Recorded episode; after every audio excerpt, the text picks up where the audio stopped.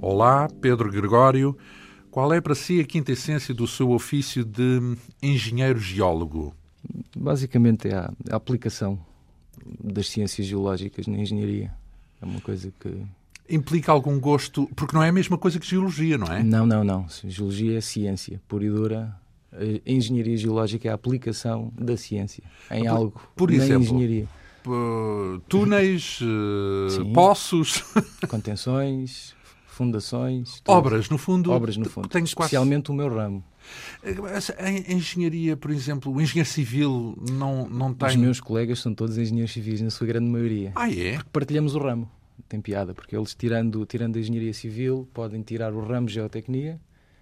Eu, como engenheiro geólogo, posso tirar o ramo de geotecnia, que foi o que acabou por acontecer, e, e tocámos nesse ponto. Eh, No fundo, são áreas ligadas. Engenharia São áreas civil. ligadas. sim. E, e o que é que é a geotecnia? Então, será isso? É a mesma coisa que A engenheiro tec- geotecnia é a aplicação das ciências e, da- e de toda a construção a um, a um pormenor muito específico, que é a construção em subsolo, basicamente. Hum. Ou seja, como um dos mortais tem a ideia da, da engenharia civil com, com, com aquilo que vê, nós trabalhamos com aquilo que não se vê. Ah, muito bem. Ao cimo da terra ou por baixo da terra, é isso? Para termos ideia, Então- muitos dos edifícios para serem, para serem fundados têm que ser fundados em, em terreno competente, em terreno com resistência que permita suportar a carga do edifício que vai Quem ser estuda esse construído. terreno é um, geo, é um engenheiro geológico. Começa, começa pelo. Não, não nós, na- a nossa parte está inclusivamente aplicada mesmo à construção também e ao estudo. Há, um- há uma série de, de, de atividades onde entra o geólogo desde o estudo do terreno, onde pode entrar o, ge- o engenheiro geólogo na construção, o engenheiro civil, o engenheiro civil na projeção. Ora, eu também perguntei esta questão da quinta essência porque não sei bem até que ponto é que uma criança, sei lá, com seis anos diz eu quero ser músico, eu quero ser médico, Hum, Não, ninguém mas quer ninguém ser diz eu engenheiro quero ser engenheiro Não, não, geólogo. não, não, não, não. Portanto, o que é que- Inclusivamente, eu cheguei aqui por, por acidente, literalmente. Ah, então. Eu, desde os 5 anos, que sempre quis ser médico veterinário, foi, foi um sonho de criança. Ligado à E natureza, mas não é sempre bem ligado pedras. à natureza, nada, nada a ver. Entretanto, acabei, acabei o, o secundário e não consegui, não consegui as médias Para entrar em veterinário. para entrar em veterinária, na altura eram altíssimas, que variavam em, de- em puras décimas com medicina. Uhum. E, hum, e fiquei completamente descalço nesse momento. Senti-me completamente deprimido, sem chão e, e procurei, fui procurando alguma coisa que se pudesse aplicar àquilo que eu, que eu Aí a gostava. primeira escolha foi ciências da natureza, não é? Ciências da Natureza, Assim, que estava dividido, portanto, a divisão do curso é Biologia e Geologia, Hum. onde tive dois anos, E, e na- e aí aprendeu os primórdios da geologia, é isso? e da Biologia. Então, mas e depois foi para. É porque depois afastou-se A mais dos parte- É, animais e foi para. Exatamente, ou seja, para os seres eh, o- inanimados. O, curso na altura, na faculdade, era ministrado numa, num, num departamento partilhado por um curso muito esquisito que havia na altura, que era o Engenharia Geológica. Com, com pessoas fantásticas, com quem eu acabei Ah, por. eh, Então, por- se calhar é isso. É um Também. grande professor é que pode explicar uma escolha dessas. É isso. Hum, Eventualmente, eventualmente. Mas depois a passagem, vamos lá ver, estes primeiros dois anos partilharam, portanto, são aqueles, são aqueles primeiros anos de partilha de conteúdo. não é? Biologia e geologia. Portanto, na parte da geologia eu estava com, com a componente geológica dos engenheiros geólogos que tinham, dos futuros engenheiros geólogos que tinham entrado no mesmo ano que eu. Epá, e, e literalmente. Ah, entretanto, esse curso de Ciências da Natureza era via ensino, não sei se. Isso é importante. Portanto, eu, eu em termos de carreira profissional, terminando esse curso, acabaria como professor. Uhum. Pronto, e passados dois Isso não anos. Hum. chegava para si, foi por isso que desistiu. Não, não. Precisava do terreno. Aqueles dois anos, sim, senti, senti. Inclusive, os meus pais são professores, já, já sabia um bocadinho o que é que. O que é que em era termos professor? De futuro, o que é que era. O que é que... E não era bem isso que queria, não, era ensinar. Não, não. Ah, mas depois, então, apostou na geologia. Já vamos ver, porque as pessoas poderão perguntar: então, tudo bem, um geólogo, e então? Mas é que este geólogo é um geólogo especial, porque viveu ah, ah, na sua profissão ah, em países que não é comum viver, nomeadamente ah, na Costa Rica, no México e, sobretudo, na Papua Nova Guiné. Onde se cruzou no meio da selva com as maiores peripécias, quase que podia dar um romance. O nosso convidado, Pedro Gregório, nasceu em Lisboa um, em 1981, há 33 anos, portanto. Os primeiros estudos como vimos eh, na, na Faculdade de Ciências e Tecnologia da Universidade Nova de Lisboa, foram na área das ciências da natureza, mas apenas os tais dois anos, depois eh, eh, dessa interrupção, o destino foi o curso de Engenharia Geológica, nomeadamente no tal ramo da geotecnia. O estágio de final de curso foi primeiro em, em Lisboa, um túnel do metro de Lisboa, e depois, a partir de 2006 e até hoje, o nosso convidado esteve envolvido na construção eh, do túnel e da estação de São Sebastião II, na linha vermelha, em Lisboa, e dirigiu também outras obras por todo o país, e em 2010 foi eh, convidado a acompanhar a tal obra na Costa Rica, viveu lá cinco meses, no ano seguinte eh, passou outros três meses no México e finalmente em 2012 foi participar na tal obra na Papua Nova Guiné, esteve primeiro um mês em, em Sydney, na Austrália, a preparar o trabalho, e depois seis meses nessa ilha remota na ah, Oceania. O que é que faz de concreto, se pensarmos num túnel, o que é que faz o, o engenheiro geólogo? Ou o, geotec... é o O geotécnico? diretor da obra, neste caso, a pessoa responsável. Eu nesse caso estava como adjunto, mas, mas basicamente um, um engenheiro, um engenheiro numa obra deste, deste tipo gera, gera uma equipa multidisciplinar e, e, e gera todos os problemas que possam advir da, da própria execução dos trabalhos. Mas falamos de operário, portanto, dirige operários com caterpillars, com, com- com- martelos pneumáticos? Neste caso, no, no- no- no meu, no meu ramo, dirijo uma equipa especialista na execução de determinadas características, porque depois a execução de um túnel toda ela é toda muito, muito, muito Complexa. complexa. E nós estamos especialmente na, na- na parte dedicada ao tratamento e ao sustenimento da abóbada do túnel, ou seja, nós entramos O primeiro... revestimento, no fundo, é isso. O ref- o revestimento provisório. basicamente. Hum, enquanto se está a trabalhar, Enquanto é se isso? está a trabalhar, ou seja, o túnel, o túnel tem de ser escavado, mas não, tem, não vai ter a por contenção acaso tinha a ideia de definitiva a posteriori, só vai ser construída mais tarde. Tinha a ideia de que agora havia máquinas enormes, gigantes, que fazem tudo, As chamadas automático. tuneladoras em zonas de Lisboa, sim, fizemos. E- Uhum. Fizemos, não, não, não a minha empresa, não estive envolvido diretamente, tive, tive a possibilidade e a felicidade de visitar. Então, pelos vistos, ser um perito na construção, no subsolo, eh, Sim. d- permite trabalhar no mundo inteiro, porque foi o que lhe Sim, aconteceu. Sim, sim, sim. Eh, sim. Como é que foi parar à Costa Rica? Foi a sua primeira etapa assim no exterior. Hum, Isto basicamente, eu, eu, eu, ne- eu ainda trabalho, portanto, depois de acabar a faculdade, entrei, entrei na empresa onde estou, onde estou a trabalhar no Que momento, empresa é a Rádio Portugal, uma empresa de fundações e geotecnia, Uhum. Ah, uma empresa de especialidade do país. E que pertence a um grupo, a um grupo internacional, a Soletens Franciné, Francês, é isso? f- francês exatamente, sediada em França, mas que detém uma série de empresas Obras em todo em lado. Uhum. todo o mundo. Portanto, basicamente trabalhar para aquela empresa é quase como escolher o mapa mundo, fechar os olhos, apontar o dedo Mas e não nessa escolhe. empresa Eh, não, tem- exatamente. Escolha não é assim, Claro, não pronto, é? Ela existirá, existirá em algum país do, do mundo como, como Nos empresa quatro do grupo. continentes, claro. Exatamente. E, e, e há um belo dia em que o diretor, o diretor-geral da empresa onde trabalho disse, olha, há uma obra, em Costa- uma obra na Costa Rica, estão a precisar de, de portugueses, porque... eh, Porque não há franceses dispostos para ir lá, será isso? Também. Portanto, porque é- são os Eventualmente, sítios não. complicados é aqueles Ah, onde há mais probabilidade Sim, de não, encontrar. mas muito provavelmente, ah, como, como, como é uma empresa que está espalhada pelo mundo, eventualmente antes da Costa Rica deve ter aparecido outras 300 obras onde precisaram de gente. Uhum. E, e eles gostam, e, pá, e de facto o trabalho dos portugueses continua a ser reconhecido, bastante reconhecido e, e- Mas reconhecido por estrangeiros? reconhecido p- por estrangeiros e por empresas do grupo. Nós Uhum. portamos muita massa cinzenta, é o que costumamos dizer. E, E então, e, e- e- e- e o que é que lhe ocorreu nesse Costa Rica? Vou para um país. Não, na, naquela primeira. pronto, Há sempre ao, ao primeiro choque, não é? Aquela, aquela questão do vais, porque depois a, a minha empresa tem uma, tem uma peculiaridade que não, não- a questão de avisar com tempo é assim uma. É para amanhã. É quase para amanhã. Sim, isto vai, Então, quanto vai tempo estando é que teve? atento que isto próximo domingo tem que ser. epá, e disseram-me efetivamente eh, que teria que ir uma semana depois. Passado, tirei uma semana de férias para poder, para poder preparar as coisas, né? E passado uma semana, afinal não é, portanto podes começar a trabalhar. E depois há um- uma bela sexta-feira, à hora do almoço, em que dizem: É "Pá, amanhã." tens o bilhete no domingo. Ah, Pode dois ser. dias depois. Portanto, então, antes de mais, eh, essa dá a ideia que é um pouco como aqueles eh, profissionais que têm que ter prontidão absoluta. Por exemplo, a família. Tem família? Eh, te- te- tinha, tenho uma companheira que tinha na altura também. Ainda não tenho filhos, Não está, tens, está um a pronto. caminho, infelizmente. Porque mas- isso, ter que zarpar Não, é assim a vi- todo é momento. violentíssimo, é violentíssimo. E sobretudo é muito violentíssimo. tempo, porque não se trata de ir um mês É ou essa- uma essa- semana, são meses, não é? Pronto, e essa é outra questão, porque num- quando nos dizem quanto tempo vamos, geralmente nunca é. Nunca é porque, ah, isso Ah, deve um- ser por dois meses, é o que eles costumam dizer. Os meus colegas, eu e os meus colegas já, já não utilizamos o termo meses, é o termo unidade de tempo. Faz por duas unidades de tempo. porque aquilo, De facto, a realidade é que acaba por dobrar ou, ou triplicar. Eh, Depois, porque num deles ficou praticamente meio ano. É. Ora bem, hum, então e que obra foi na Costa Rica? Foi um túnel? Costa Rica não. Costa Rica foi, foi, foi uma contenção, portanto, basicamente uma escavação de, de sete pisos a céu aberto para a construção de duas torres, as chamadas Torres del Lago, umas torres, um empreendimento Então na de capital? luxo, sim, em São José. Um, empreendi- um em- um empreendimento de luxo gerido por chineses.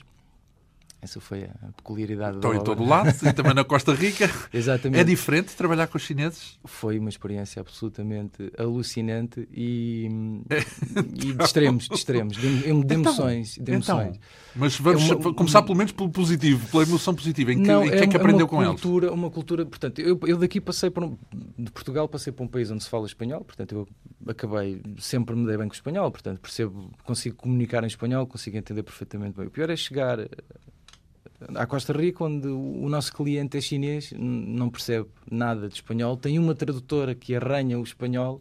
Fala e inglês, se aquilo- calhar não. Não, não, não, sempre, sempre em espanhol, não, tinham, não conheciam outro tipo de língua. Então, não, co- os chineses não falavam, só falavam chinês, é isso? Só falavam chinês entre eles e em reuniões havia uma pequena comunicação em espanhol. Portanto, foi tudo à base de desenhos, Então, mas qual gestos era a e relação que tinha escrever. com eles? Eles eram seus funcionários, digamos Eles assim? eram, não, eram meus, subordinados? era o meu cliente, portanto, é- é- era o meu cliente direto, portanto, eram era o- eram os indivíduos que queriam pessoa que eu que fizesse a reportava. obra. Exatamente, portanto, e partilhamos, e partilhamos, basicamente eles, ele- eles vão construir, era uma empresa que iria construir a tal, a tal, as duas torres, portanto, fazer a construção civil pura e dura e contratar uma empresa da da especialidade, representada por mim na altura, para fazer a tal escavação Então, e a mas os contenção chineses eram do que eram terreno. só operários? Não. Os chineses não, seria o engenheiro de obra, o diretor de obra responsável pelo projeto total. E tinha que lidar com ele todos os dias? Todos os dias. O que é que com uma aprendeu pressão com Muito pouco, porque Então. epá, aquilo foi, foi uma sensação muito, muito esquisita. A forma deles de trabalhar é, é de facto, Então. é de facto muito diferente. Por exemplo, Hum, eram, perso- se- portanto, não ligam à qualidade, pelo menos de- naquele, naquele momento eram, for, tive, tive essa, essa convicção. Tudo à pressa, Portanto, é Tudo isso? à pressa, o mais depressa possível, porque eles tinham, tinham um convênio com a. Portanto, aquilo também para perceber um bocadinho o enquadramento, tinham um convênio, com, um convênio com o governo da Costa Rica para construir o estádio, o estádio nacional da- do, do- do país. E literalmente trouxeram tudo da China. E quando digo tudo, é tudo. É o quê? Desde trabalhadores, caminhões, cigarros, comida, contentores para viver, montaram um, um estaleiro megalómano e apenas estavam restringidos àquela zona. não saíam dali. Não saiam dali. Apareceram na obra onde eu estava porque alguém, no momento, portanto, o, o dono da obra achou que se podia aproveitar, tirar-se ali algum partido da existência deles e, e- o dono da obra, que por sua vez era chinês também, e acabou por, acabámos por fazer um- uma partilha de, de esforços no- neste ponto de vista. Na construção. Sim. Então, eh, eh, mas isso foi o essencial que reteve dessa passagem na Costa Rica? Não, eu- a parte da obra foi realmente a mais chata. Eu Gostei do país porque conheci pessoas fantásticas, nomeadamente de países vizinhos que trabalhavam na empresa que representava, que representava hum, o próprio país, não é? Porque aquilo é América Latina, mas não é necessariamente igual, porque depois esteve no México, mas aquilo não há de ter. Não tem, não são empresas distintas, apesar de pertencerem ao mesmo grupo. Não, não, refiro-me às- ao país, às pessoas. Ou seja, Sim. uma experiência na Costa Rica, lá por ser América Latina, não quer dizer que seja semelhante nada que ver, à do México. nada que ver. A Costa Rica, as pessoas, aquilo foi- é um país absolutamente delicioso e eu digo a toda a gente: Tranquilo, vão é à isso? Costa Rica, que é que o um único país no mundo, penso eu, se- sem querer cometer aqui um erro, que não tem exército. Portanto, um país que à partida não tem exército. Não há conflitos, não há complicações. Zero, zero, zero. Quer dizer que não há, por exemplo, problemas de segurança. Nada, não, não tive nenhum problema de segurança. Nem ouvi a notícia disso? nin- sim, não. Tranquilamente? Não, vivi pacífico, fiz Na as, dei capital? as minhas voltas na capital, tive a oportunidade, sendo um país pequenino, de dar uma de conhecer um pouco à volta aquilo em termos de natureza fantástico. Fantástico. Selva? eh, mais parques naturais, não, não, tão, não tão selvagem, mas com muito mais conteúdo, bio- bio- com muito mais biodiversidade em termos de. Eu, dou- eu lembro, e quando, quando os meus amigos eu ia no meio da estrada e onde há um buraquinho cresce uma, uma orquídea, quer dizer, não, não é uma coisa Não normal. há- O não- pardal é o colibri, é o, é o chamado beija-flor, aquele muito Sim, pequenino. sim. E na Parece praia, lembro-me, na reserva natural, na praia de Manuel António, uma praia que me deixou muita saudade, lembro-me de ir para dentro de água, porque pela primeira vez que me banhei no Pacífico, mas sempre a olhar para, para a minha mochila, porque a quantidade de macacos que lá existiam, com uma tendência para, para agarrarem coisas. Portanto, não eram os locais, eram, eram, Não, não, eram, não, não. eram os animais. É, é tal e qual. E os, os, os, os costa, os costarricenses têm uma, uma capacidade, vivem, eles, o, o desígnio deles é pura vida, não é? Eles, eles passam a vida a dizer pura vida. Não há vivem- miséria, muita. isso foi o- o que eu achei. Epá, miséria, não, não vi miséria. Há muita homogeneidade, portanto, não há grandes disparidades. E adorei, adorei a questão do turismo, porque não, não é é um país onde não se vai, onde não se vê um turismo de pulseira. É uma coisa que não se vê. Não há resorts, não se vê isso. Eu ando pelos. caminha-se. Mas há turistas, é isso? Há turistas, mas o- turistas mais virados para. não para o resort, não é? Para aquele turista que fica duas semanas a beber caipirinhas ou qualquer outra bebida em frente ao sim, mar Sim. mas o turista de mochila que vai de uma ponta à outra, porque, porque o país permite, assim, o país é, o- é a linguinha pequenino. ali, tem uma estrada e depois a estrada ramifica, para a esquerda Pacífico, para a direita Atlântico, Uhum. Pronto. E percorreu essa estrada, então. Percorri essa estrada, dentro do que, do Mas que me foi permitido. Isso, foi, isso são férias, entre aspas. Sim, mas sim, depois sim, há a sim. tal parte do trabalho. mas- Sim, sim. Porque hum, eh, li o seu relato nessa permanência na Costa Rica, Sim. eh, li nomeadamente essa, esse choque, esse sim, contraste sim, sim, com Uhum. a sim. cultura chinesa e com a forma de trabalhar dos chineses, para já deviam trabalhar eh, Além de trabalhar em 24 horas mais horas extra, como eu costumo dizer, Portanto, parecia que não paravam. é dormiam isso? na obra, sim. Dormiam? Dormiam literalmente na obra. Mas literalmente? Eu- literalmente. Literalmente é o quê? No chão? no chão. Alguns deles no chão, outros recolhiam e nunca sabíamos. O próprio diretor da obra, o famoso Tsang, que era o- a pessoa com quem eu tinha de comunicar, ele depois das reuniões, tínhamos, pra- praticamente tínhamos reuniões todos os dias, das 11 ao meio-dia. Depois do meio-dia comia, Refeições. as refeições eh, Comiam? tinham, comiam e tinham um restaurante, alguém que teria um restaurante chinês que a todas as horas trazia eh, uma comida. carrinha cheia com caixas de plástico. E, e cada um tinha a sua Estão a Então, dormir maldinha. na obra higiene, por exemplo. Lavavam-se na obra também. Isso é o quê? Eh, Com- um banho, algo parecido, uma eh, improvisadamente. mangueira, chega. E, e uma coisa que eu, que eu achei interessantíssima é que depois, eh, o tra- tanto o trabalhador de mais baixo nível em termos de, em termos de hum, intelectuais como o de mais alto nível em termo intelectual, quando chegava a comida, punham-se em fila.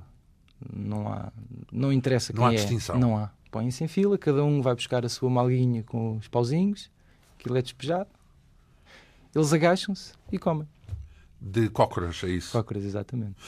Ah, pronto, é outra cultura.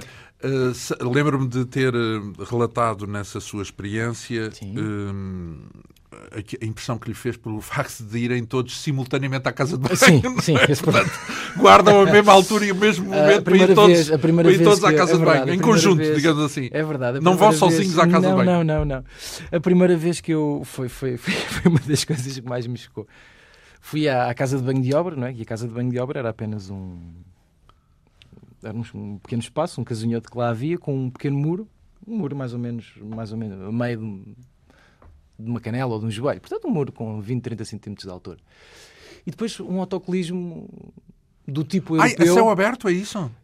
Não, era fechado. Não, não, Sim. não. Era uma casa que Sim. tinha, tinha telhado. E depois tinha um, um autocolismo no topo, que era despejado. Um, um autocolismo perfeitamente normal. A diferença é que simplesmente mandava água que percorria a zona interior desse pequeno muro que dava para a parede. Portanto, era onde, onde as pessoas iriam Era à fazer as toa, suas digamos necessidades. assim. Exatamente. Era, pronto, não Pronto. havia um sanitário. é isso? Não, eles, todos eles se sentavam, portanto era perfeitamente normal. Tinha vontade de ir à casa de banho. Mas e- em conjunto, e- era e- essa a ideia? Eu chegava e estavam três ou quatro abraçados Abraçados Ah, Sim, para se, tem que se apoiar. para se apoiar uns aos Apoiavam os outros. outros a ler o jornal, epá. Pronto. Aquilo era, era qualquer coisa. Também há de ser, eh, eh, certamente, Achei, eh, ter um fundamento cultural, há de ter. não é? Ou Para- para não, ser quer dizer, ou pode coletivo, ter sido não, não era apenas daquela uma- obra, era Não, mais não, do- do não. país, não é? Ah, depois hum, ficou três meses na, na Costa Rica Fiquei cinco meses na Costa Rica. Cinco meses. Cinco meses, portanto foi de junho a Isso, Não, peço, pe- foi de fevereiro a agosto aproximadamente. isso foi em 2010 e depois em 2011. Voltei para Portugal e em 2011 Foi para o México. Tens de ir para o México. e então- mas já Acho que tinha lá já- a tal experiência de- Sim, da América já, já, Latina. Já, já não, já não custou tanto, não é? Portanto, já. E que obra é que foi lá fazer? Ah, essa foi uma obra também, foi uma obra de tratamento de, de solos para, para também o sostenimento de uma abóbada de um túnel. Em que sítio? Ah, Lá na cidade do México? na cidade, no estado do México, basicamente. Que é no- perto da capital, é, é isso? Uhum. perto da capital, mas a uma hora de caminho, não é? Porque, porque ali uma das coisas que me recordo da cidade do México e nunca mais me vou esquecer é, é estar a chegar no avião e o comandante dizer eh, preparem-se, vamos aterrar. Pronto, e Em qualquer outra viagem, o preparem-se, vamos aterrar, vemos nuvens, não é? Não- E passado um bom bocado é que, se- é que finalmente se começa a ver, eh, a vislumbrar a cidade onde o avião vai aterrar.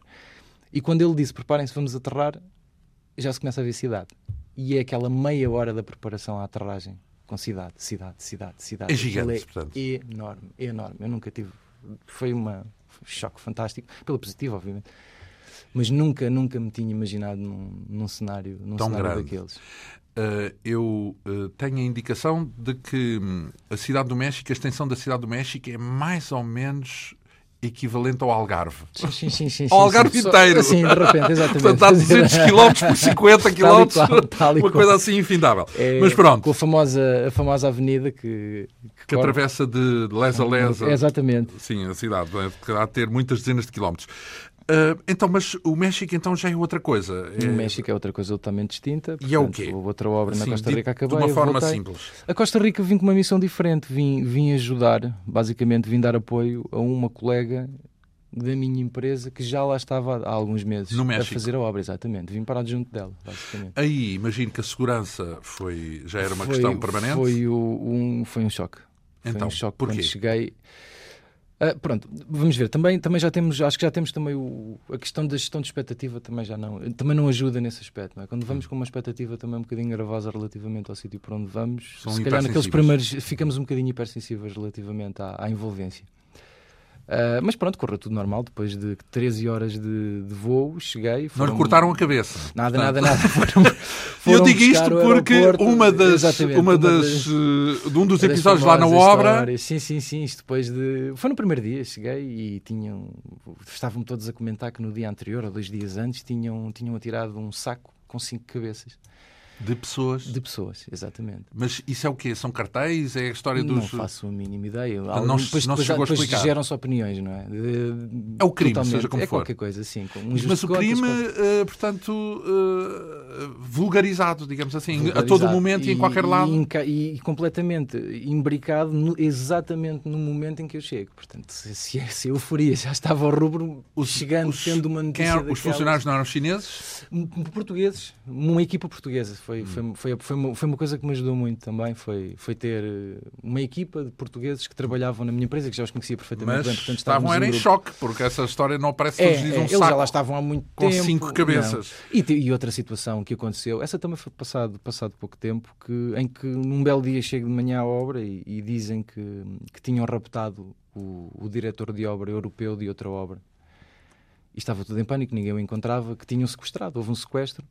E na realidade, mais tarde descobriu-se que ele estava bem e apenas tinham sequestrado o chofer desse europeu. Não é um, é outro.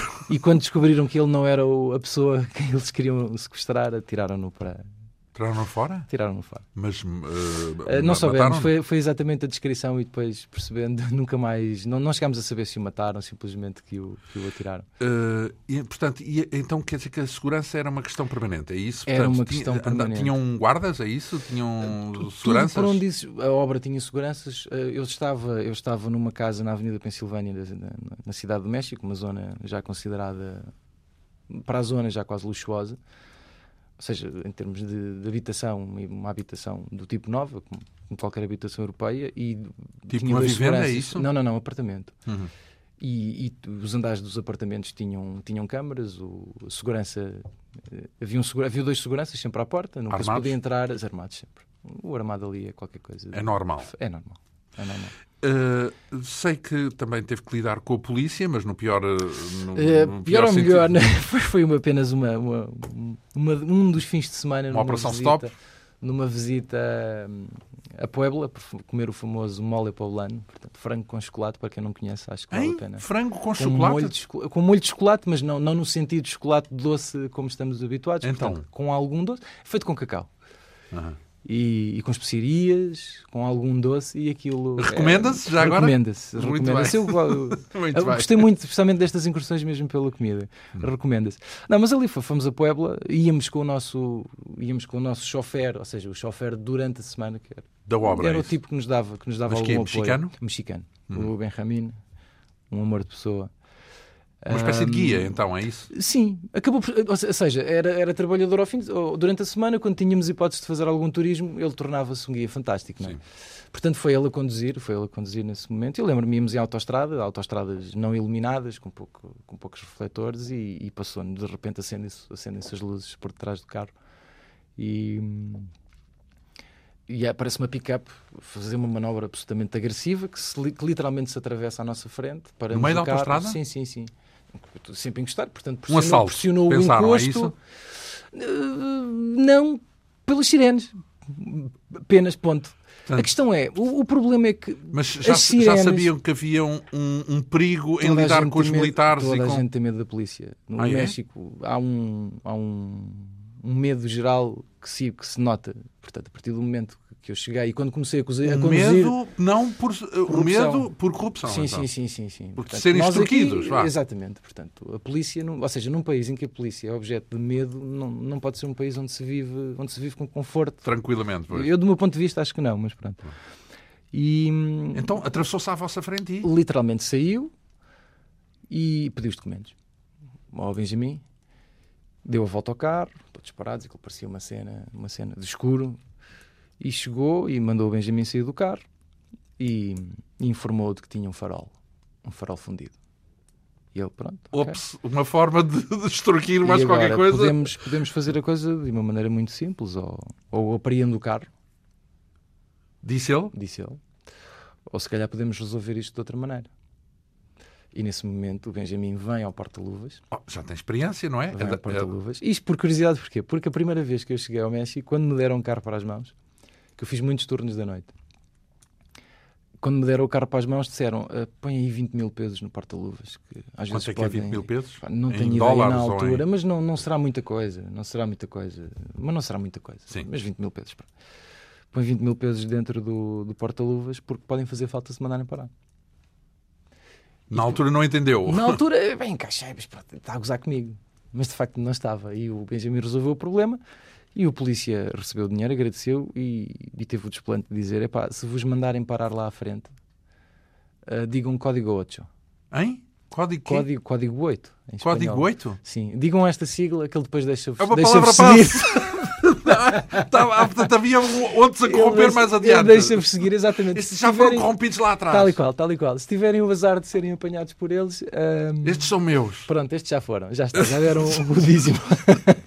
já Bem, contribuíram. então é um sistema, quer dizer, de- Sim. depararam lá com os outros mais à frente? Não, não, é aquilo Já também, era a altas horas, cidade do já tinham México ido para é- casa. É, outra coisa interessantíssima. Porque aquilo- Então, e nessas viagens, eh, eh, pois, o México é um país eh, extraordinário em termos de culturais e em termos de as pirâmides e essas coisas, não Uhum. Sim. tipo aproveitou para Eu tive, fui à Pirâmide do Sol e à Pirâmide da Lua. Tive, apesar do pouco Que é tempo que, isso? tive. do Sol e da Lua?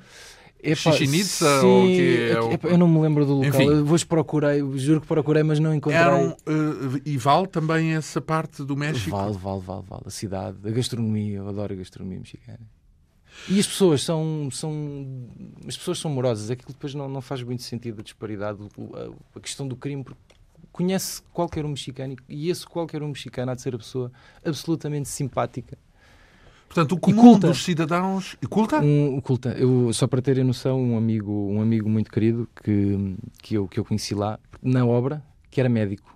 Portanto, outra disparidade também não se percebe. Os médicos estavam na obra, ah, andavam pela obra Então, mas- e um- eram comandados por alguém que não tinha a mínima competência relativamente, relativamente a eles, quer dizer. Então, mas andar pela obra é algo que não, é, não faz sentido no médico para acompanhar Faz, os faz sentido a trabalhadores? Ah, questão do tratamento que eles tinham relativamente sim. às FIIs, é que era, era, Portanto, era deficitário. E, e em termos de. Os valores que eles ganhavam eram absolutamente. Quer dizer, são médicos. Pois. Não faz, não faz sentido. Operários, quase. O chefe, operários desse, médicos. o chefe, portanto, a pessoa responsável por esse, por esse meu amigo que eu acabei por constituir no, no México, médico, era uma arquiteta na área da, da higiene e saúde do trabalho. Quando diz cultos, então é que tem preparação normalmente e tem. sim, sim, sim, ah, sim, sim, existe sim. muita sim, gente, sim, eh, sim, sim, apta- sim, sim, sim, eu, eu senti isso, senti isso bastante. E, depois, e são, além disso, então, eh, E são pessoas, excelentes pessoas. s- simpáticas, pessoas, etc. sim, muito, Outra muito coisa é o valorosas. Estado e o Estado eh, aí Exatamente. nas eh, as- as forças policiais, sobretudo, não é? E também, e também isso e, e outra coisa que me fez muita confusão que é, que é hum, em termos de, de notícias, olhando para os noticiários, olhando para os jornais. hum, Porque Porque não escondem absolutamente nada. É Em tudo termos de escancarado, é imagem, isso? É tudo. Eu tenho, É eu tenho tudo tabloide, imagens, portanto, é- tenho imagens, sim, tenho imagens absolutamente horripilantes de Ah, tipo, as notícias do crime mostram tudo, Não é sangue. notícias do crime, é as notícias. Portanto, é é muito tudo difícil. assim, Todos isso? os jornais, todos os periódicos de- que se vêem. eh, Eu ficava louco como é que uma pessoa vai com um filho, com uma criança pequenina e olha para uma pequena barraca com, com- com os jornais eh, Com- expostos tudo- e corpos são cabeças decepados, cortadas, são pois. corpos decepados, são corpos desfeitos. São... Um que me fez extrema confusão foi. Foi uma escola que ardeu e, e- e a imagem que mostram no jornal são crianças Calcinadas. completamente assim. Epá, e aquilo Pronto, quer É dizer que já assustador. estão habituados, quer dizer que é o cotidiano, que essa violência é, uma, é algo que É isso. banal. portanto, eu- não é? Exatamente, A exatamente. banalidade da violência. Infelizmente é- foi um bocadinho isso. Claro que depois a pessoa habitua-se, não é? E, me- e habitua-se? Nos três meses é que tive que encaixar, não, não, tive, outro, não tive outro remédio, senão dava em maluco. Ah, d- Temos que devem ter- aprender a relaxar, não é? Devem é, é a ter realidade. estranhado quando chegou cá. Sim, é pá. Olha os jornais, sem, sem, É verdade, é verdade. sem as primeiras é verdade, páginas sim, aquele carregadas. fundamentalismo todo. Nós queixamos-nos de que há muitos tabloides aqui, é verdade, mas pelos é. vistos é uma Não, brincadeira Não, não, isto é uma comparada- brincadeira de crianças. Não, não Sim, tem nada. comparado Não, com não, aquilo não, que é. não, não. Ora bem, estamos a falar do México, mas. E falámos há bocado de- do saco das cinco cabeças que apareceu lá na Sim, obra. Sim, Mas se me falassem assim em abstrato de cabeças cortadas, eu era capaz de julgar que era na Papua Nova Guiné. Porque aí é cá canibais. Aí é cá pelo menos. canibais, é verdade. Portanto, como é que foi parar antes de mais à Papua? Foi mais uma vez uma obra, um sítio que ninguém. Mais uma vez, portanto, voltei do México, a tive mais missão um ano em aventureira. trabalho e há um belo dia em que me perguntam queres ir para a Papua Nova Guiné? E eu, bem, para a Papua Nova Guiné? Sabia onde era? Sim, uma Eu vaga posso- ideia. e tal. sabia, sabia, por acaso O sabia. então? mapa mundo. Sim, sim, e... Mas a primeira coisa que me que me veio ao ouvido foi a Austrália, não é? Aquilo- Automaticamente aquela zona Ali ao pé, e pensei, isto é uma oportunidade de uma vida e não vou, não vou mandar lá abaixo. claro. E disse que sim. E disse que sim. Eh, Porque também, se calhar, não teria hipótese de dizer que não, mas isso são outras, são, são outras Sim, mas questões. tinha, li- tinha um ligadas atrativo ao próprio específico trabalho. de ser aquele Mas do aqui outro sim- canto do mundo. Sim, não é? sim, Do acho outro que era uma lado do mundo. aventura. E depois. Até porque esteve na Austrália também a preparar. O o que é que fez esse. Ou seja, hum, eu fui como. Portanto, fui a tal massa cinzenta exportada para a empresa da Austrália, empresa de especialidade da Austrália, que pertence ao mesmo grupo que a minha empresa pertence. Então teve que fazer um estágio na Austrália. Não, ba- basicamente foi a preparação, mas também foi, não, foi só por, porque houve apenas um atraso de entrada em obra e acabei por ficar. Ficou um mês. Acabei por ficar um mês. Foi, Um foi mês. Ah, interessante na Austrália. A Austrália correspondia ao- à sua expectativa. co- A 100%. Então, a 100%. Em ter, epá, fantástico. Já há muito Esteve tempo não onde? estava Em- no, em em, que- Sydney. em que Estive em ci- Sydney. Sydney? Já há muito tempo não, não estava numa cidade onde, onde se olha para as pessoas e, e se vêem boas vibrações. Há felicidade, há sorrisos, há. as Boa onda. pessoas, aquele- é tal e qual. Assim dito, Em que altura é que esteve eh, lá, lá? entre junho e julho, Portanto, no inverno deles, mais ou no menos. inverno deles ainda. No nosso verão. Sim. Eh, e mesmo assim, tipo, manga curta é isso? Não, não, não, não, frio. Ah, Há- estava há frio. Sim, ah, mas então, não- mas a boa onda não tem a ver com o clima, necessariamente. Não, não, não, não, não. As pessoas em si. As pessoas estão felizes onde estão. E mesmo sendo uma isso grande nota-se. cidade, não é? Porque- N- Numa grande cidade. Sydney é, é uma é cidade. gigantesca. gigantesca. Eh, e hum, pronto, todos aqui. Uma Então, na cidade antena, multicultural, não é? Na Antena 2 eh, eh, retemos como primeiro o símbolo de Sydney e todo o mundo também retém. É a ópera, não é? É verdade. Porque lá no, ao pé do, do Claro. Porto de, Sim, sim, sim. de Sydney Porto de Sydney. eh, visitou a ópera. Visitei. Por dentro e por fora? Eh, Por, fora. Por fora, por dentro apenas o, o, hall hall. Não, de fui, não, entrada. vi nenhum, não vi nenhum espetáculo dentro do. Ora bem, isso foi a preparação, imagino mais do ponto de vista técnico, etc., para, fazer, para depois ir para Exatamente, para, para Papua apanhar Nova o Guiné. fatídico voo para. fatídico. Fatídico, sim, Então. porque eu, tenho, eu no meio disto tudo tenho medo de andar de avião um tremendo. Ah, então não fui tens sorte perdendo, fui nenhuma, perdendo, Ah, bom, fui pronto. perdendo, fui perdendo. porque teve que atravessar o mundo sim, inteiro. sim, sim, a viagem para a Austra- para a Austrália foram 31 horas, aquilo é, é de uma violência que não tem. Então, mas e o voo específico O para a voo Papua específico, também foi portanto, mau? É eh, isso? f- Esse foi, portanto, basicamente para chegar à Papua, de- f- apanhámos um voo de Sydney para, para, para Port Moresby, que é a capital da, Da Papua, da Nova Papua. Guiné. um voo internacional absolutamente normal, com um avião absolutamente normal. O problema foi, a, a obra fica no meio da selva. Não há caminho por terra, não há caminho por mar, que fica no Não há mar, estradas, fica em portanto. Cotobu. Existem algumas estradas eh, feitas de terra para caminhões passarem, porque inclusivamente os materiais acabam por vir via marítimo e têm que chegar ao local. Mas muitos deles via aéreo. Hum. O- Quando vamos, estou eu a contar na minha perfeita ingenuidade que tipo, que tipo de sítio era aquilo, porque depois de facto não sabia, eu não sabia exatamente o que é que ia. Sabia que ia, mas aqueles pequenos pormenores a gente só os conhece realmente quando, quando chega. E, hum, epá, e, e aparece-me um, um avião de, de seis, de seis lugares com, com Uma hélices, avioneta, não é? uma avioneta, literalmente. Eu pensei, com o teto do avião, assim, Então, mais- mas sabia que ia para o meio da selva? sabia que ia para o meio da selva. isso tinha Então, noção não podia disso. ser um avião, um Boeing, não, Não, é? podia, de facto, não podia, mas quer dizer, havia sempre ali alguma, Alguma esperança. esperança de que- Podia ser um Falcon. Exatamente, qualquer coisa. E assim foi, foram três horas de viagem até, até, à, até ao famoso acampamento e a meio tivemos obviamente de parar para, para reabastecer porque o avião não tinha capacidade de Chegar lá de uma vez. chegar lá de uma vez só. E Então, mas aterrámos andou aos literalmente- Eh, trambolhões, entre aspas, é isso? Ande- Aterrei numa pista de terra batida, de lama, literalmente. Eu pensei, o homem está. Ele diz que vai aterrar e vejo o avião literalmente a cair. Um- Um verde com um rasgo de vermelho e era. Era a uma terra batida no meio do... batida, é lama absoluta. No meio da selva. No meio do céu.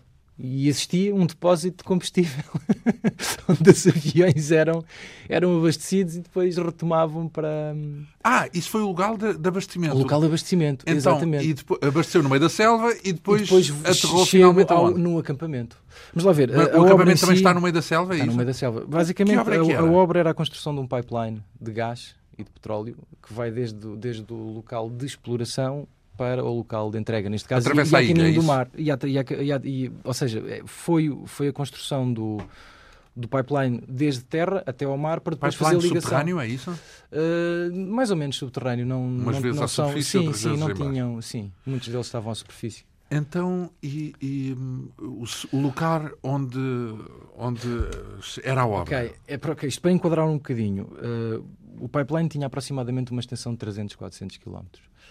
Hum, ou seja, a obra em si não era, não era a obra, não é aqui, portanto a obra estende-se durante 300 a 400 quilómetros. Eu fui fazer uma, uma particularidade da obra, que, foi, que foram as fundações para um contador de gás e de petróleo, porque eles têm que contar o que sai Então, e isso demora seis meses? Hum, não, numa situação normal não demoraria. Não foi normal a situação? Não foi normal. Ou melhor, não foi normal para nós, enquanto No conhecedores padrão de deles obra. é que no, era- padrão, de- no, padrão, no padrão deles, eventualmente, porque não, não, se, não se fazem chegar materiais, não se fazem chegar equipamentos, não se fazem chegar. Há muitas ineficiências, é isso, e Ah, perde imenso tempo à espera de coisas. Perde-se muito tempo à espera de coisas. À espera dos funcionários também? Porque isso é- não, os funcionários, hum, eh, ou seja, eh, há- houve outro convênio com, com, com o país em que disse que 60% da, da, da mão de obra teria de ser local. 60, 70, não, não me recordo agora. Teria que ser local. Hum, ou seja, de um momento para o outro apareceram, na minha obra em questão, deram-me 15 pessoas que nunca, que nunca tinham calçado umas botas na vida, para terem uma ideia. P- Para cumprir a cota, Para é isso? cumprir, para fazer um trabalho especializado. Então, mas e tinham que calçar essas botas, é Sim, isso? não tinha. Em Então, obra isso- tem que se isso tomar deve- todas as medidas de Uma segurança. pessoa que nunca capacete, calçou botas, luva. deve ser uma chatice. Eu, em momentos, vi, relembrei-me de vídeos em que colocam botinhas de criança em, em bebés ou em, em- em cães ou em Ah, gatos tinhas e que- tem tinha que aquele os andar, vestir, tem pois. aquele andar um pouco- Desajeitado. um pouco desajeitado, é verdade. Ah, Porquê é que o revistaram à chegada? Quando Eh, chegou à não obra? se podia naquela, naquela, naquele acampamento, eram proibidas drogas, proibido o álcool e proibida a pornografia. Então, à procura de- das três Jamais, coisas, é Em isso? busca das três coisas. Então, e pornografia porquê? Uh, Álcool uh, também é boa- difícil de entender, não? No meio da selva não se bebe? Especialmente quando ele- eles não bebem. Tem, um, tem uma, uma, uma nós que gostam de mascar, que é a betel- betel nut, que é, que é um fruto com, com efeitos alucinogénicos. E estão sempre a mascar aquilo e dá um, dá um aspecto. Droga, horrível. portanto. É droga, literalmente. E o sumo daquilo é vermelho sangue. Literalmente vermelho sangue. Eles mascam aquilo e cospem. Portanto, eu, a primeira vez que chego ao acampamento, o que é que eu vejo? Vejo dupla cerca, arame farpado, cães a circularem à volta da Porquê? cerca, Porquê? por segurança. Então, mas há assaltos no meio da selva? Há- há- Ah, havia o que eles chamavam de riot, que eram basicamente descontentamentos generalizados que provocavam Da população, da é isso? população, das diversas populações. Contra a Na obra? Papua Contra é o pipeline? contra a obra. Porquê? Um dos convénios feitos foi, na extensão dos 300, 400 quilómetros de obra que há, é necessário contratar 60% ou 70%, Dos aquela locais. percentagem dos locais. O único problema é que não podiam fazer de uma vez só.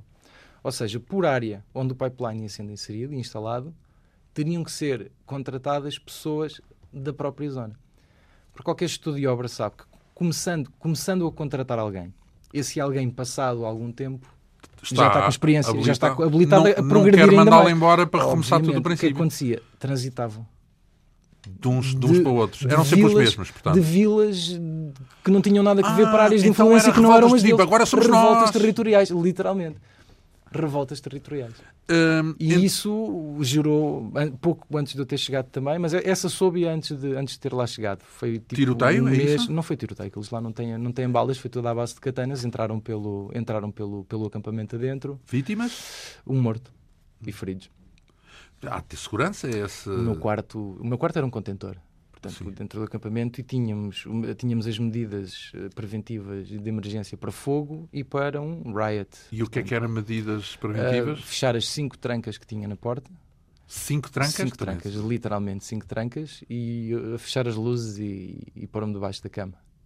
E ali ficar Para até- ambos, até- para, para- tanto para incêndios como para. Não, não, para incêndios riot. não, este aqui estou, estou Ah, a mencionar pronto. o riot, não, o incêndio Sim. era sair e ir para o local, para o, para o meeting point, Nos, que é o nos- normal. nos seis meses ou nos cinco meses não teve que, que Não. se trancar no quarto. Não, não, não. Ah lá, não houve nenhuma revolta, Não, não, não não. deparou com nenhuma correu, Correu tudo bem. Então, mas estamos no meio da selva, certo? Estamos no meio da selva. Isso assim. não há bicharada, não há mosquitos, pelo menos. é Melgas! Malária, muita malária. Portanto, eu durante seis meses tomei, tomei medicamentos para a malária. Então foi picado 800 vezes. Não fui picado, por curiosidade, não, não me recordo de ser picado. Ou pelo menos Ah, bom. aquele efeito de, de- Os mosquitos, apesar de muitos, muitos deles tinham tamanhos consideráveis. Eu estou- estou-me a recordar de um que, que era, em termos fisionómicos, é uma mosca. A diferença é que tem o tamanho do meu pulso. Hã? Para ter uma ideia. Não. vem a voar, a- parece um helicóptero, e depois passa completamente desgovernado, tem um peso morto com, com umas asas. Não se governa a voar, é isso? Ah, Nada, nada, nada. Aranhas, cobras, tudo. A- o- A diferença relativamente à Costa Rica é que não se, a biodiversidade que se vê, que de facto a selva é verde. Muita vegetação, flores, quase nada. Ahm, animais não se vêem. Então, Ou seja, animais, mosquitos, insetos, vêem-se. Uma cobra vê-se. estamos a falar na Costa Rica. Não, não, não. Na, Na Papua, Papua. Em, con- eh, Em eh, contraste em com a contraste com a Costa Rica, que é muito mais, muito mais rica em termos de. Animal, em Animal. termos de massa. E flores, biomassa. aquilo. A selva, é tudo verde, literalmente. Aquilo é. Ah, o que é que comeu no meio da selva? Pronto, o que é que comi? Eh, a parte de- interessante daquela obra é eh, ser uma obra. Portanto, está a ser. Não está a comiam ser- pessoas, Não, não? não, não, não, está a ser Na gerida. Papua há Está a a fama ser dos, literalmente- dos canibais, Não, não, dos não é. antropófagos. Mas já lá não é? vai- também já lá vamos chegar. Não, mas Ah, é? ali, é? ali, ali, basicamente, estávamos, estávamos associados Um jantar a. de família. Sim, quase. Sim. Não, mas aquela obra pertencia, estava a ser, o dono da obra são as empresas petrolíferas, portanto há muito dinheiro. E, e- e a empresa executante, Põe a comida lá. basicamente, aqueles acampamentos são abastecidos, aquilo é como um cenário de guerra, portanto há, há uma enorme multidisciplina- disciplinaridade, peço desculpa, e, e há muito, muitas pessoas de diversos países, portanto há indianos, há, Há portuguesas Há- também? Havia Para- portugueses para além e de com si? cargos muito interessantes, todos com cargos de desfia em termos de mão de obra qualificada, eletricistas, mecânicos. Inacreditável. Fui descobri-los lá, não fazia a mínima ideia que eles existiam. Andam por Ahm, aí. Eles andam aí. Brasileiros, mexicanos, chilenos, filipinos, o que é que acontece? Com tanta, bio, com tanta multi- curto multiculturalidade, a, a, a, a comida tem realmente de ser para todos. Há vegetarianos, há carnívoros, há, há de tudo, não é? Ou seja, o, os cozinhados eram feitos para um grande público. Ou seja, Muito diversos. muito diversos. Já havia, havia possibilidade escolha, de escolha. em Havia suma. escolha, era fantástico. Queria comer caril, comia caril. Queria comer um prato vegetariano, comia. Queria Então, comer carne, comia. então, se era assim, porque é que perdeu 7 quilos? Porquê é que perdi 7 quilos? Porque os, os horários eram, eram, eram fantásticos, não é? Portanto, o, o recolher obrigatório era às 6 e meia da tarde, o, al- o jantar começava Por às causa 5 e dos meia. riots? Por causa do, do Ah, risco? sim, de- era, era, sim, eventualmente. Recolher obrigatório, quer dizer que Recolher- tinham que sim, estar sim, sim, sim, não, fechava fechados. tudo, ninguém entrava, ninguém saía, por, Sim. por questões de segurança.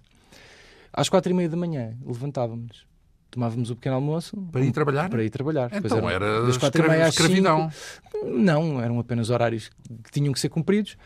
Ahm, Sete dias, cinco dias por semana, sete dias por semana. não havia Portanto, é descanso. Não. Eu fiz, tive seis meses na Papua, mas nos primeiros três meses foi um trabalho, foi trabalho em contínuo. Tive um break no meio, uma paragem, onde fiz umas férias na Austrália, feliz e contente, e depois regressei para os restantes três meses. Então é respirar fundo e não parar. literalmente. E, mas mas é, nunca tinha sido submetido a uma, a uma, a uma, Uma situação- tortura, a uma tortura Então dessas. está explicado os Não, 7 nunca quilos. mais, nunca mais se esquece. Não, não- perdemos completamente a noção dos dias de semana, perde-se a noção de tudo. Mas porque não se para. Não se para. Portanto, Se literalmente em, hum, então conte-me lá essa história dos canibais. Eh, Ah, pronto, f- Ouviu falar deles? Não, f- vamos lá, vamos lá ver, sim, também, mas tive, tive, hum, tive que trabalhar, ou seja, partindo de- deste pressuposto do tal convênio em que tenho que trabalhar com, com, X, com X percentagem de locais, calh- calharam os tais, foram aqui 15, 15, 15 locais de diversas aldeias ali da zona.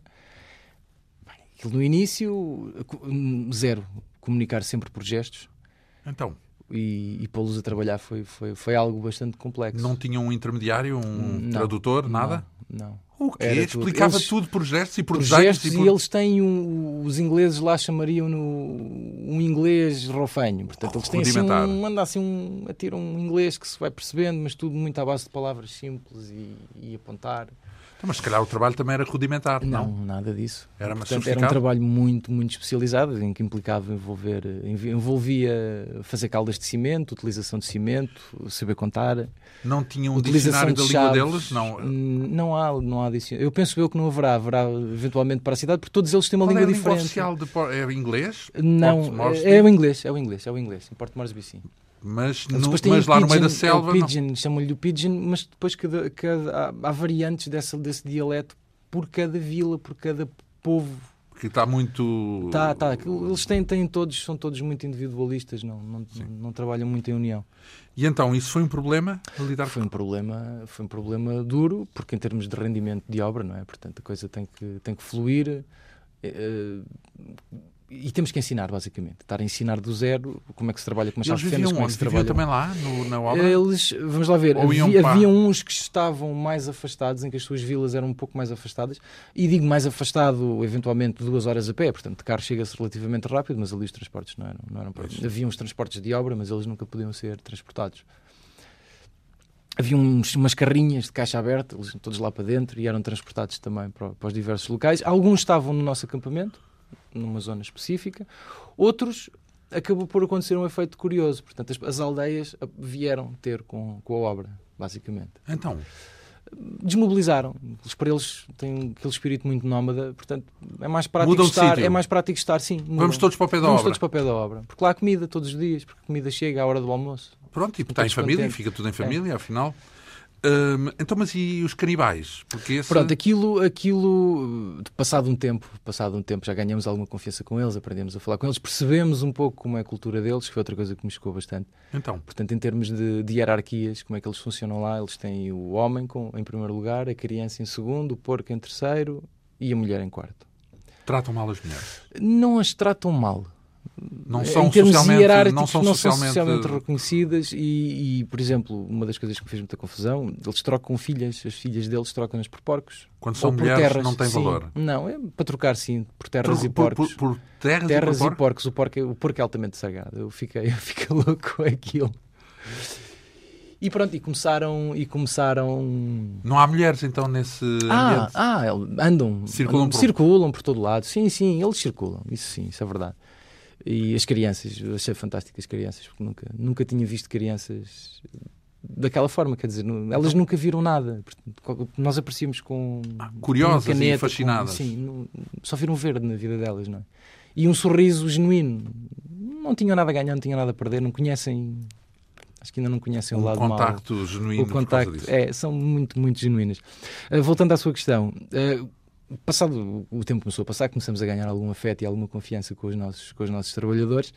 E pronto, e começam as primeiras brincadeiras. Então, tens, tens familiares, tens canibal, já comeste pessoas. Ah, bem, E no meio da brincadeira há uns que dizem nunca comi, mas o meu pai comia, a minha mãe comia e os meus familiares mais próximos comiam. Portanto, era um hábito cultural. Era um hábito cultural. e, eh, Cultural, em, em cada cultura haveria, esse hábito era, f- Mas era, quer era dizer, não era feito tipo de castigo, forma. não era, não se Havia tratava de de tudo, havia de tudo. Eu, o mais, o mais cho- o- havia desde o vamos comer aquele porque, porque está doente e é para comer. Outro, estou doente, preciso de comer um bocado daquele para, me para curar. ficar bem. Agora dependia, dependia um pouco da, hum, Pronto, das crenças mas e não era das- visto como um crime, portanto, era visto Ali como não. Sim, um- apesar de, o- de ser sempre um tema que nunca foi eh, Confortável. confortável Porque sabem para- que no para mundo ninguém. inteiro aquilo não. Então, e, e feitiçaria, bruxaria e coisas desse Eh, género? Porque conheci, isso também é uma vi terra. Por, vi por, eh, por notícias, eh, mas sempre muito mais ligado à grande cidade, a Porto Mórcio. Ah, é? É. Mas eh, aquelas tipo. eh, voodoos e coisas E desse género. eventualmente foi por notícia. Eu, eu ali acabei por, li- acabei por estar mais ligado com pessoa- pessoas, pessoas da terra, inclusivamente um, um, um dos meus trabalhadores era o chefe de uma aldeia que me levou, levou-me a conhecer. Fiz uma escapadinha da, da obra porque não podia, corri o risco inclusivamente de ser, de ser expulso. Porque uma das coisas Não que se eles pode diziam é não, visitar. po- não se podem contactar, contactar com Porquê? locais. Porque não. Para evi- também pela, pela questão do trabalho e porque eles eh, acabam por, eh, de tão genuínos que são, acabam por ter, por ter necessidade de, de- de pedir, eh, acabam por ganham determinados hábitos, ganham vícios que, Que a obra não quer. que o ocidental eh, já os tem, muitas das vezes já o tem e não, e não é. e A não é- propósito disso, e assim, de uma forma um tanto encapotada, andam nus, Andam nos, alguns deles. eh, homens e Eh, mulheres? Se- homens e mulheres. Está explicado porque é que não se pode ir à aldeia. Porque é que não Exatamente. se pode ir à Uma aldeia. delas. Algum deles salvo. Notava-se, o engraçado é que depois toda essa gente que já estava próxima da obra, já, já- todos eles já viviam vestidos ou com uma t-shirt que alguém deu, ou para com não umas fazer, calças que alguém deu. eh, Não, contraste. vestiam, pronto, estavam vestidos e viviam felizes com isso. Explique-me o que é o Jiggy Jiggy. Jiggy Jiggy. O que é que é o Jiggy Jiggy? Portanto, isso era um trabalhador que todos, todos os dias era o. Se bem me recordo do nome, era o John. Era den- denominado John. E todos os dias, à hora do almoço, chegava ao pé de mim e dizia: Boss, time to jiggy jiggy. E eu, ok. Os primeiros dias não percebia. E ele, todos os dias, tinha uma, uma mulher diferente à espera. a do- fora da zona, da zona da obra, e ele Guardava um dizia tempo. que todos todos os dias, à hora do almoço, tinha que ir fazer o seu jiggy Transar, como dizem os com a- brasileiros. com, a, com a sua. Hum. mais que tudo, que variava muitas vezes. Sim, depois.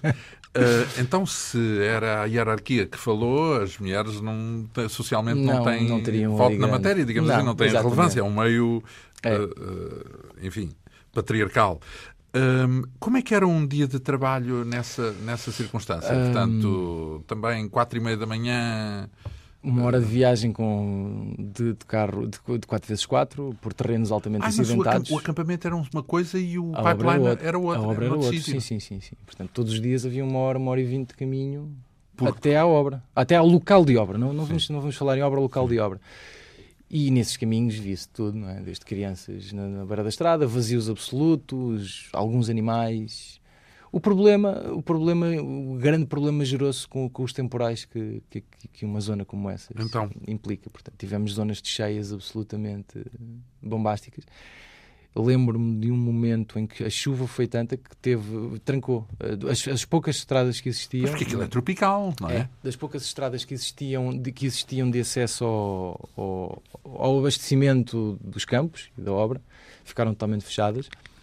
Um dos acampamentos foi, foi inclusivamente evacuado, porque estava uma cota mais baixa, encheu de água e, e vi pessoas que me, que me reportaram que abriam a porta dos, quadra- dos quartos e tinham cobras e, e crocodilos a andarem na É. zona. Crocodilos? Na zona Verdade? do- é Nas verdade. ceias? É verdade. Ceias com Inacreditável. crocodilos? Toda, toda essa gente foi totalmente mobilizada para o, meu, para o acampamento onde eu estava. Espera aí. Deixe lá, que essa não passa assim. O- Portanto, a água vem da chuva e os crocodilos Não, a aparecem. água, a água Levanta. Há um- Ah, há um aumento tá de bem. nível freático E- e há os uma- crocodilos há onde uma estiver- eh, junção, onde estiver, em rios, lagos, vai tudo. Passam. Inclusivamente em obra tivemos uma situação desse género, água quase pela cintura. Também viu Tentar crocodilos salvar- na obra? Não, é aqu- aquilo foi mais foi uma zona de escorrência. Tenho, tenho a perfeita, recordo-me perfeitamente de, de água me escorrer, já com, com alguma com alguma pressão e velocidade debaixo das pernas e de ter visto algo que pareciam, pareciam ramos de, de, de árvores. E, e quando começo a perceber, não, eram cobras. E naquele momento É, gelei Aí tem que esquecer. cobras porque- a passar, inacreditável. E, co- e pronto, e o problema ali é que depois, an- antes de entrarmos em obra, temos toda aquela formação, cuidado com as cobras aqui, porque não Ah, havia é? nenhuma que não era venenosa. Portanto, eram todas venenosas. Todas. Tínhamos um hospital de campanha, caso, caso, houvesse, caso houvesse necessidade. E contactos? Não, imagino, não há telemóvel ou não sei o quê, Ah, não? Tínhamos um telefone por satélite e, e eu conseguia estabelecer uma chamada para a minha família uma vez por semana. Havia internet. Então, Internet Isso é, de por facto, é um mundo satélite, global. por satélite. Estamos a falar de um dos petróleos. Eu tinha televisão, tinha televisão por cabo. Usava Então. poucas vezes no meu quarto. Ah, t- haviam dois antenões de, de satélite e, e, e captavam, portanto, para servir sobretudo os para expatriados. servir os expatriados, basicamente. Vinham de todo o mundo, não era? Sim. Ah. E mesmo a internet, baixa velocidade, não, não, não dava para manter uma comunicação por Skype, por exemplo. Portanto, basicamente voltei à moda antiga da comunicação, era tudo por escrito. Básico. Deve ser bastante Ah, interessante. não, numa situação dessas não fica, não morre de saudades do país a que Eh, estava habituado? Eu, nestas, nestas minhas incursões por estes três países, aprendi a valorizar muito o, meu- o nosso país, Mesmo com os problemas todos que tem. mesmo com os problemas todos que tem. Porque E há não outros tive, com e problemas tive muito a piores. oportunidade de, de ficar na Austrália e, e quis voltar. Ah, é? Sim. Ah, mas a Austrália estamos a falar de... Não, não, é, não verdade. é Papua Nova Mas- Guiné. Não, não, não, tive, tive a oportunidade, mas naquele momento quis voltar. Porque também E, eh, fo- e porquê? foram Vamos seis lá meses. estragar. Para- À parte das questões que pode haver pessoais, não é? De Obviamente. família ou não sei o quê, mas pelo país também não? Obviamente, per- pelo nosso, Sim. obviamente que sim, só pelo país, só, Ah, pelo só e- país. e por, Já não obviamente. está a falar de, do, A do- família do- pode ir atrás, o país é que não pode, não é? Então, mas e o país? eh, Explique-me o que é que sentiu não temos quando está um fora. Sol, não temos um sol como o nosso em lado nenhum, não temos. Na Austrália não há. Não, é Estive diferente, lá no É inverno. totalmente diferente. Não, depois ainda fiz, ainda fiz lá o verão. A Austrália é lindíssimo, é de facto um país absolutamente fantástico, mas é demasiado longe. Aí sim a Austrália é um- torna-se um país muito Porque complexo. depois já nesse não sentido. poderia vir cá de vez em Não é um quando. país onde se cá vem de vez em quando. É um país, Pois, é é para um ficar. país onde se demora dois dias para chegar, demora-se dois dias para voltar e a viagem caro. é caro, muito caro, muito, muito caro. E, Então, e qual é o. o- vá lá. o- e os amigos e a família. Vamos lá ver, a decisão também foram seis meses depois de não vir a casa. Uma pessoa depois de seis meses já tem o cérebro um bocadinho. a, a saudade está totalmente Instalada. Toda-nos o cérebro, literalmente, não, é? não dá hipótese. E já não quer outra coisa se não ficar cá. E- então, mas se tiver e- que escolher uma característica que o prenda ao seu país de origem, portanto a Portugal, então é o quê? Uma característica do meu país. É o clima, são as pessoas, é o. É o. Os meus amigos, neste caso, acho que família e amigos, mas em, quest- em país acho que é, mu- é muito, é muito complexo, mas temos tanto em tão pouco espaço e é tão bom. Pequenininhos. Pequenininhos, mas, mas perfeitinhos. Em- em- Está Tá bem, em parte. É preciso mesmo ir para fora para concluir isso. É verdade, é verdade. Ora bem, não, há Não, mas nada gosto- como. É pena isso não estar contado em livro, porque aquilo que vi da sua parte foi mais narrado em Sim, diversas e- eh, entrevistas. E- mas a a minha experiência é uma pequenina experiência em comparação com grandes, grandes pessoas que andam aí fora com, Ah, o, sim. mesmo, com o Ainda- é, mesmo trabalho que eu. e com experiências Vai nos 33 fantásticas. anos, de modo que ainda tem É muito verdade, ainda é para verdade. viver. Felizmente. Hum, seja como for, uma experiência digna de nota a do nosso convidado, Pedro Gregório, engenheiro geólogo, com experiência de trabalho então na América Latina e, como ouvimos, na Papua Nova Guiné, eh, outros mundos que fazem desta profissão também uma experiência, uma experiência de vida. Muito lhe agradeço a vinda aqui Obrigado eu à pelo Rádio convite. Pública. Foi uma Esta, honra. esta quinta essência teve a assistência técnica de Ana Almeida, produção, realização e apresentação de João Almeida. Regressamos para a semana. Bom fim de semana.